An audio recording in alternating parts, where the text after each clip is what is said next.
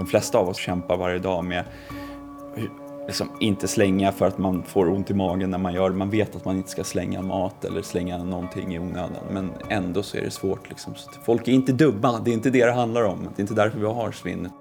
Det här avsnittet av Feeding Your Mind från SLU Future Food handlar om hur vi i vår del av världen till stor del konsumerar mat genom att slänga den. För att vi som individer sitter mitt i ett system som bygger på överkonsumtion som i sin tur bygger på överproduktion av mat. Två forskare möter du idag. Den du just hörde skrev för några år sedan sin doktorsavhandling om just de här frågorna. Ja, jag heter Karl Carl Yngfalk. Jag är forskare i företagsekonomi och organisation, organisationsforskning här på SCORE, Stockholms center för forskning om offentlig sektor på Stockholms universitet. Eh, jag forskar om konsumentkulturens utveckling bland annat. Och just eh, matkonsumtion har jag ju hållit på med särskilt under många år. Just hur vi förhåller oss till livsmedel och hur vi i våra vardagliga praktiker eh, konsumerar mat.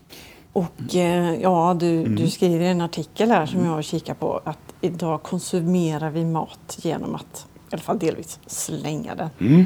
Absolut, det stämmer ju. Vi slänger oerhört mycket mat inom olika delar av samhället, men eh, särskilt vi konsumenter såklart. Och, och eh, om än vi har blivit väldigt medvetna idag, vilket den här mediedebatten visar, liksom, att vi tänker mer på matsvinn och så vidare. Men eh, fortfarande så slängs det oerhört mycket mat, helt klart. Mm. Och det ligger på nivån någonstans en tredjedel, hälften beroende på hur man räknar? Beroende på hur man räknar. Det är oerhört svårt att räkna. Det har gjorts så många olika studier, inte av mig personligen, men av andra forskare i Sverige idag som försöker eh, mer eller mindre räkna hushållssopor, alltså räkna matsvinn.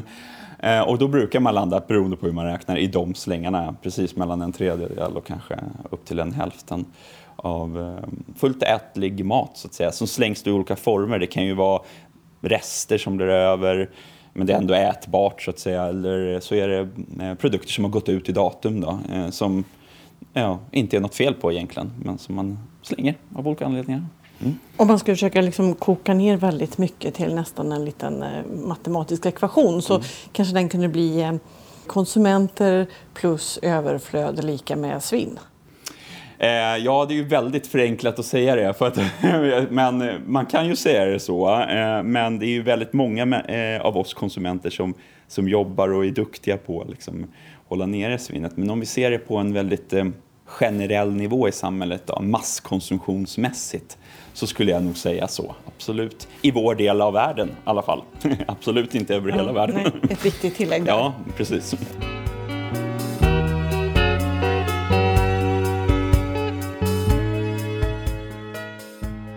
Ja, för som alla vet, medan vi i vår del av världen talar om överproduktion, överkonsumtion och svinn av mat, så svälter delar av världens befolkning.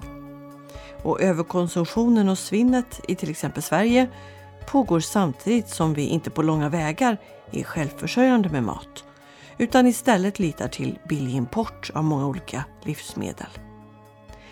Den svenska livsmedelsstrategins mål är att mer av den mat vi äter ska vara producerad i Sverige. Och det finns ingen målkonflikt här. Eftersom vi har så stor livsmedelsimport så kan vi sträva mot målen ökad inhemsk matproduktion och mindre svinn samtidigt. När det väl kommer till kritan hemma hos dig då? Mm. den frågan har jag också fått många gånger. Kom den igen? Mm. Ja, precis. Eh, jag ska inte ljuga och säga att jag inte slänger mat, utan eh, jag har själv barn och eh, det är sådana aspekter som spelar in när man kommer till... Sen beror det ju på vad det är för livsmedel. Jag är ju liksom väldigt noga med kyckling och sådana här liksom känsliga saker. Där kan jag bli extra liksom riskmedveten, om vi pratar om risk så att säga. Och det är ju det eh, systemet är uppbyggt kring. Då. Där har vi ju ett utgångsdatum snarare än ett bäst före-datum som vi har på, på mjölk och andra saker som inte blir farliga, kanske hälsofarliga när de går ut. Ehm, oavsett vad vi kallar de här datumen så får det en liknande effekt. Va? Så att, eh, det slängs, eh, slängs mycket mat i alla hushåll tror jag. Liksom. Ja, det slängs mycket mat när vi låter oss styras av datumstämplar och bäst före-datum. Men ehm, är det här ett problem på individnivå? Nej, menar Karl Yngfalk, för vi sitter alla i ett system. en för stor kostym, en överkonsumtion som följer av överproduktion. Eller som man uttrycker det, när vi konsumerar ansvarsfullt, rationellt och disciplinerat gör vi pannkaka på äggen då vi märker att de går ut imorgon. Eller så slänger vi dem av samma anledning. Som ett sätt att hålla den överproduktion vi lever i och av igång. Mm, just det, precis. I bägge de där fallen, eh, bägge bemärkelser, så är det ju en sorts överflöd som tas om hand om. Så antingen liksom så tas det om hand om att vi lagar upp det tidigare än vi kanske egentligen ville på grund av det här datumet. Eller så slänger vi det då, så att säga. Så I vilket fall som helst så är det ju efterfrågan på livsmedel hålls uppe på grund av datumet och som jag syftar på i den där meningen just då, mm. Jag kanske liksom tycker att mjölken luktar bra men sen så säger datumet, så rent förnuftsmässigt säger datumet att jag ska inte dricka den här, eller jag ska passa mig, den här kan vara dålig. Ja, jag vågar inte riktigt och så, så går man på det, liksom, det förnuftsstyrda här då istället. Så Och men nu, nu har vi haft den här utvecklingen då där vi ser att folk börjar jobba med det här och tänka efter verkligen. Ja, men det är ju det som pratas om i media hela tiden. Vi ska våga lita på våra sinnen. Men nya studier hela tiden liksom kommer upp att när det väl kommer, kommer till kritan så är det väldigt svårt det där ja, att, att göra så. Du lyssnar på en podd från Sveriges lantbruksuniversitet.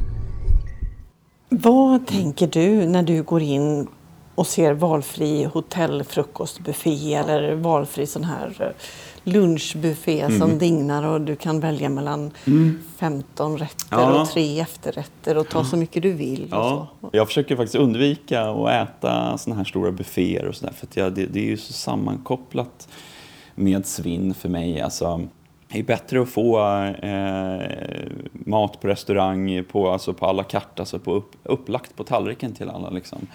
Eh, bufféer är ju liksom en av de största källan till svinn, för det, det är så av olika skäl. Liksom. Det är lite samma sak med att eh, i butikerna idag, att, att det alltid finns allting i hyllorna, det tar aldrig slut, liksom, produkter.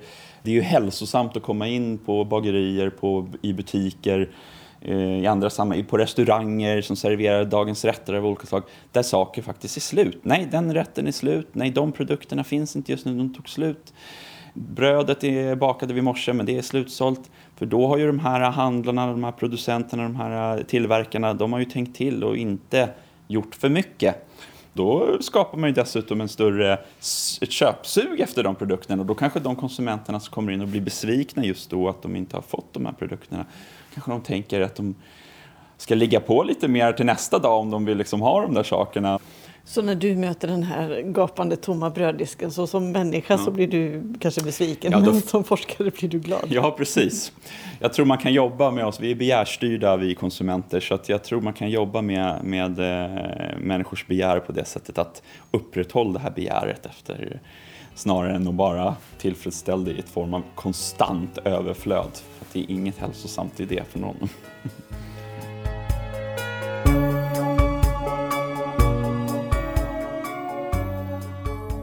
Till exempel det här med debatten som alltid uppkommer kring Black Friday, vad är det på hösten och så vidare.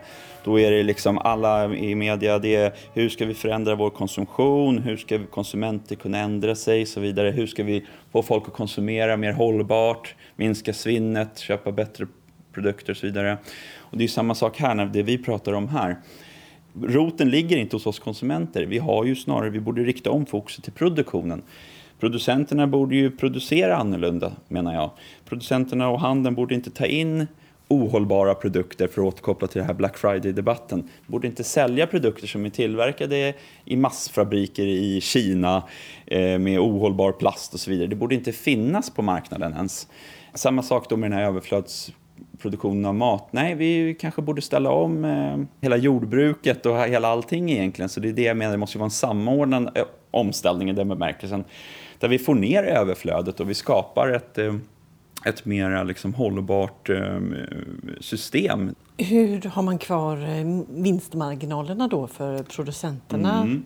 Jag förstår din fråga. Det är jätteproblematiskt. Och jag, det, är ju, det är två sidor av den här diskussionen vi för här nu. Dels är ju när vi bara tar klimataspekten, eh, den hållbara aspekten, alltså hur skulle vi skapa ett mer hållbart system? Då har vi, det är inte nödvändigtvis gångbart med att upprätthålla vinstmarginaler menar jag. Alltså, debatten blir ofta så här win, eh, fokuserad på någon sorts win-win solution. Att det måste gå att förena den kommersiella aspekten, alltså vinstmarginalerna som du pratar om här, med de här klimatmålen eller de mål man sätter upp på olika sätt för att bli mer hållbar. Men där menar jag att det är inte alltid så. Om vi ska fokusera mer på klimatet, mer på um, minska svinnet i det här fallet då, då kanske vi också måste på något sätt tänka om kring vad vinst är, hur vi ser på vinstmarginaler och så vidare. Och det kommer ju innebära att kanske många företag som vi har idag kanske inte kommer finnas kvar tyvärr för att de, de är uppbyggda på ett sätt som bygger på den här överflödsproduktionen, att den, liksom sätts, att den är satt i system. Och det är ju eh, lite som att slänga sten i ett glashus för en företagsekonom då, eh, kan man ju säga. Att säga så kanske, men jag tror att det är nödvändigt att tänka mer i de banorna. Men det blir oundvikligt eh, väldigt politiskt detta, eller hur? Jättepolitiskt såklart. Det värsta eh, staten kan göra idag är, så att säga, det är att lägga sig i den, den fria marknaden så att säga och jag kör med pekpinne mot företagen vad de ska göra eller inte. Men då tycker jag ändå att som forskare, här har vi ett utmärkt exempel på hur vi har en ineffektiv resursanvändning med det här ökade stora svinnet. Vi höjer upp allting liksom på en artificiell nivå på grund av att vi slänger så mycket. Mm. Så vi skulle kunna sänka ner de här nivåerna genom att ja, minska svinnet. Då, liksom. Och då skulle staten lägga sig i marknaden. Liksom. Men eh, jag, jag, tror jag är helt övertygad om att det skulle behövas. Mm.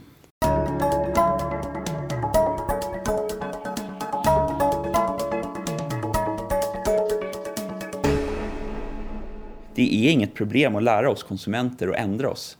Det är det här andra som behöver ändras. Sen så blir det ganska lätt att ställa om konsumtionspraktikerna. Ta rökning till exempel. Vad vi har lärt oss i samhället bara på några år. Liksom att vänja oss vid att folk inte röker på restauranger längre. Det var inte mm. många år sedan det röktes överallt. Nu tycker de flesta av oss bara på några år att ja, det är ganska skönt att det är så. Liksom. Rökarna kanske inte håller med. Men, men eh, ja, vi ser att det är lätt att ändra konsumtionsmönster om man har ett system i botten som stödjer och om Black Friday försvann ja. kanske inte så många skulle sakna det. Nej, verkligen inte. Eller hur? Det tror jag inte. Då har vi löst det. Så att säga. Om än jag, jag ser inte riktigt hur den utvecklingen skulle gå inom den närmsta tiden. Men mm. Men som alltid, det, det gäller att mm. det här leva som man lär. För i skolan till exempel så kan ju barnen ha temat eh, hållbarhet och klimat och sen så går de och äter skollunch och det är kyckling från Thailand. Ja, precis så är det. Precis så är det. Och kläder har man på sig från eh, fabrikerna i Asien också med, där arbetskraften eh, arbetskraft och barnarbete och allt vad det kan vara. Liksom. Så att, eh, vi, det är det samhället vi lever i. Eh, handeln lägger ju till exempel ofta, och media då får, eh, också ansvaret på konsumenten i den här frågan. Alltså, ja, men då tar man inte sitt ansvar som en eh, etiskt, eh, i, sin, e-, i den etiska eh, dimensionen alltså, av det hela. Liksom. Att man, vad man kanske borde göra då som handlare är att inte erbjuda de här produkterna ens. Liksom. Utan det är alla de här sakerna vi har pratat om. Obalansen i världen mellan överflöd och svinn å ena sidan och skriande brist på mat å den andra är tydlig eftersom ett av FNs 17 hållbarhetsmål är ingen hunger. Medan ett annat är hållbar konsumtion och produktion där halverat matsvinn i världen år 2030 ingår. Här i Sverige har Livsmedelsverket, Naturvårdsverket och Jordbruksverket formulerat en handlingsplan för minskat matsvinn. Och förslag från SLU-forskningen är bland annat att uppdra åt Skolverket att införa matbedömning i läroplanen och att utöka ämnet hem och konsumentkunskap att eh, folkbilda om bäst-föremärkningens innebörd och hur man bedömer om maten går bra att äta och om matsvinnets konsekvenser. Att eh, fortsätta arbetet kring sänkt förvaringstemperatur i kylkedjan och inte minst att utmana färskvarunormen. En del livsmedel hanteras faktiskt bäst som frysta eller torkade.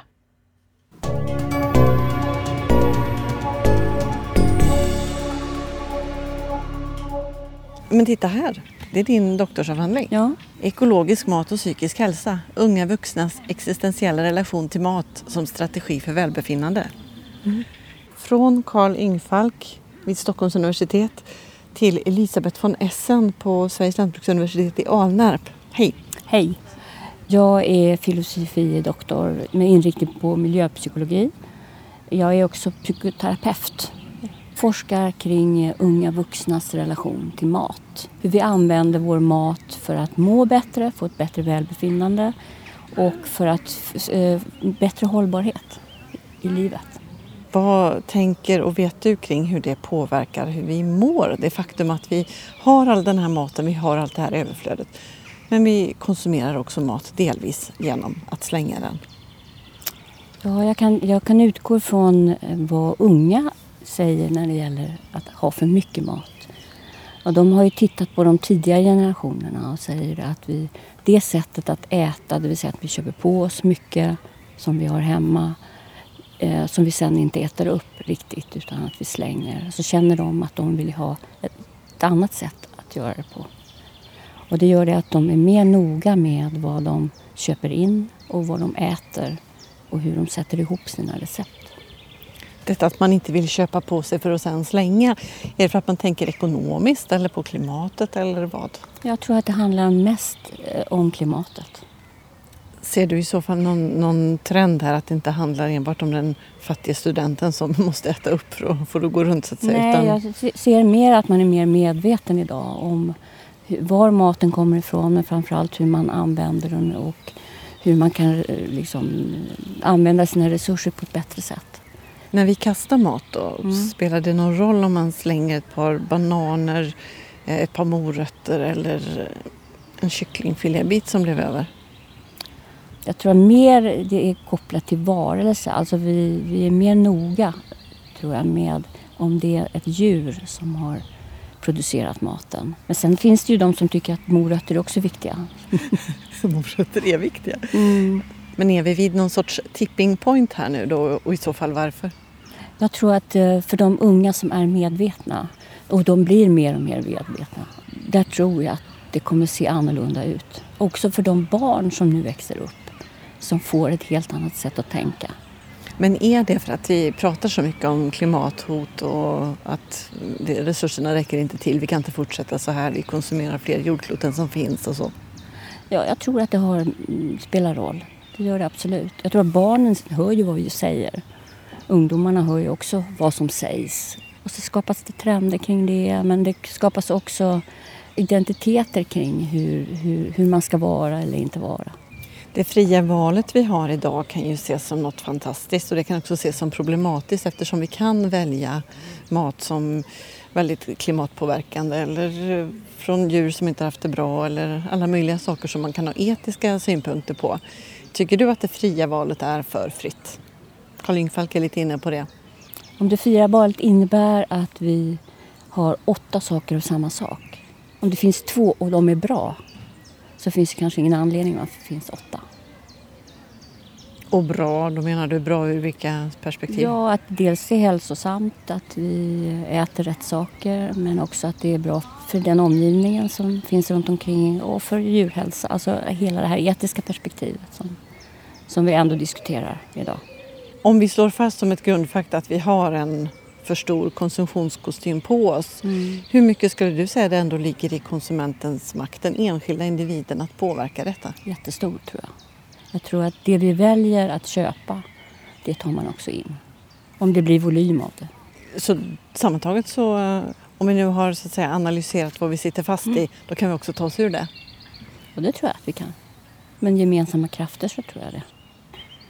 Vi har slagit oss ner här vid enkla träbord eh, på restaurangen på campus. Trevlig miljö att äta i. Ja, här är fantastiskt. Men då får vi gå och hitta lite lunch då? Ja, det tycker jag. Mm. Så Elisabeth von Essen och jag lämnar parkmiljön utomhus för den lite slamrigare miljön i lunchkön. Och där man står och väljer mellan lunchrätter och salladstillbehör ligger det ju nära till hands att fundera på hur väl överproduktionen av mat här, precis som på restauranger i allmänhet, tas om hand. Jag heter Sofia Gustafsson och jag jobbar som köksmästare på SLU Alnarps restaurang. Och jag heter Sander Abraham. Jag är ansvarig för restaurangen här på SLU Campus. Och hur gör ni då för att inte få en massa mat över eller rättare sagt det får ni förmodligen. Det får vi alltid. Vi försöker spara den så vi steker den inte riktigt färdig så vi, har, så vi kan steka på efterhand under lunchen. Så att när det blir någonting över så är det inte förstört utan vi kan spara det och använda det i en annan rätt. Bland annat i, i en rätt som vi för tillfället kallar för alternativrätt. Och är det en strategi speciellt för att minska det som blir över? Ja det är det ju för det är inte roligt att slänga mat. Om man nu tar ett exempel med kokt potatis. Serverar vi kokt potatis ena dagen så steker vi den andra dagen. Och skulle det då vi behöva mer så är det bara att koka mer potatis så att man använder potatisen hela tiden. Och likaså med ris. Även om vi kokar upp rätt så mycket mer ris så kan man ha typ kokt ris ena dagen och stekt ris andra dagen. Tips som funkar lika bra hemma kan man säga. Absolut, det funkar jättebra hemma också.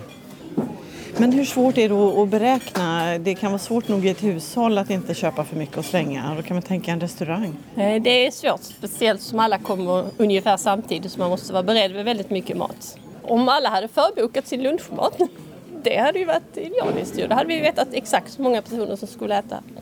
Hur ser du på det ifall folk kommer och ja tyvärr, ehm, det är slut. Är det ett nederlag eller är det ja men vi tar inte i överkant? Det är ett litet nederlag ändå. Det ska ju gärna räcka så att det är slut precis lagom tills lunchen är slut. Men hur känns det i magen liksom? Och då menar jag inte hunger eller mättnadskänslor. hur känns det i magen när ni måste slänga mat? Det känns ju aldrig bra för att mycket, mycket i ett kök och särskilt i en lunchrestaurang handlar mycket om ekonomi också. Och vi tampas ju med små marginaler så att där är det ju extra viktigt att all, allting går jämnt ut.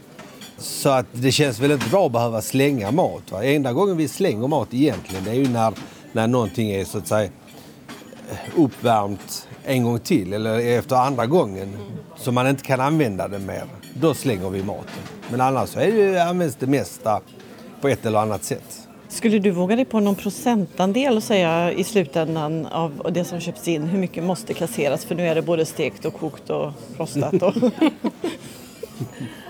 Man får ju räkna bort sånt som måste kastas som är rent puts. Som, ja, alltså, ja, som, visst. Ja. 10, 15, nu är jag optimistisk men 10-15 procent kanske? ja, När ni är riktigt bra? ja, jag vet inte Ja, om det... ja det, kan, det, kan, Det- det, kan väl nog vara åt det hållet. För att det är svårt för vi väger ju inte maten och vi, och vi tittar inte på, i slutändan eh, hur, hur många kilo vi slänger utan vi tittar ju lite på siffrorna vad vi köper in. Och vi jobbar ju inte med att mäta exakta mängder. Men ena dagen kan det komma 200 lunchgäster och andra dagen kan det komma 160. Och tredje dagen kan det komma 280.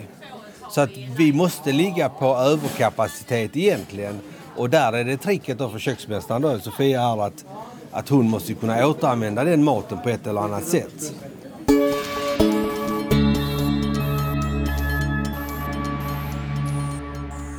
Nästa termin kommer vi gå ut lite mer med att säga att vi, detta är återvunnen mat på ett eller annat sätt. Det svåra i det är att förklara för folk att vad är återvunnen mat? Det behöver inte vara kort datum på maten. Det behöver inte vara eh, konstig mat utan det är bara det att, att vi, vi kan kanske köpa in mindre partier och då får man ut det på ett annat sätt också. Va? Men kanske då att vi närmar oss, okej den här maten går ut idag, vad bra att vi äter upp den istället för att tänka då är den nog inte bra. Vi hoppas ju att folk ska ta det så, helt klart. Idag var ämnet överproduktion, överkonsumtion och svinn av mat i SLU Future Foods podd Feeding Your Mind. Jag som gör podden heter Ylva Karlqvist Warnborg och hoppas vi hörs igen